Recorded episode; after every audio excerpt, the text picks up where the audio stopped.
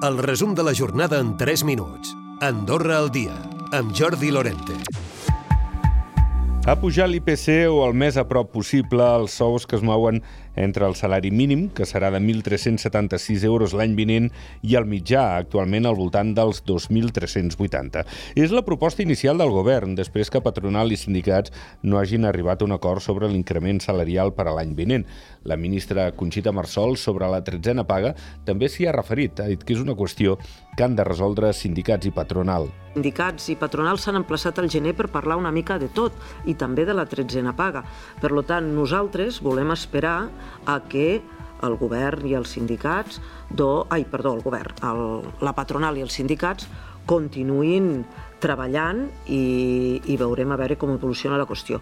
Momentàniament, el govern entén que amb el salari mínim i amb l'IPC fins al salari mitjà, doncs ja és una mesura que busca l'equilibri entre les propostes que ens va fer la CEA i les propostes que va fer els sindicats. I passes endavant per impulsar el parc públic d'habitatges a lloguer assequible, una de les màximes prioritats del govern davant la complexa situació del mercat. S'han adjudicat les obres de reforma de sis edificis repartits en diferents parròquies i que acabaran creant un total de 131 pisos per un import de 14,380 milions d'euros.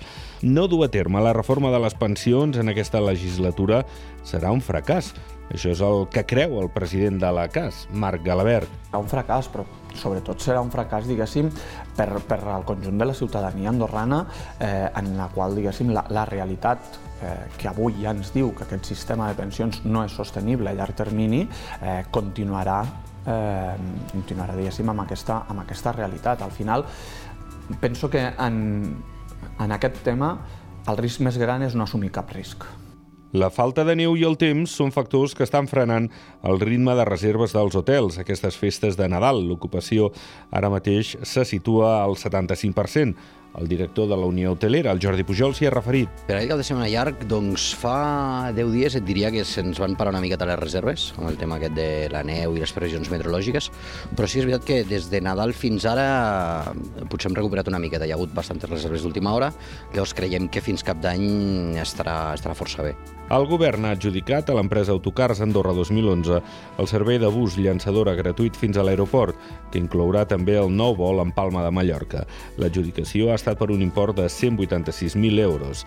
El primer vol a Palma es farà el 5 de gener i la voluntat del govern és que tingui continuïtat després de la prova pilot de 3 mesos durant la temporada d'hivern. I ha aprovat el projecte de llei d'auditoria de comptes que busca regular la professió i definir els mecanismes de supervisió en consonància amb els criteris internacionals. Recupera el resum de la jornada cada dia a AndorraDifusió.d i a les plataformes de podcast.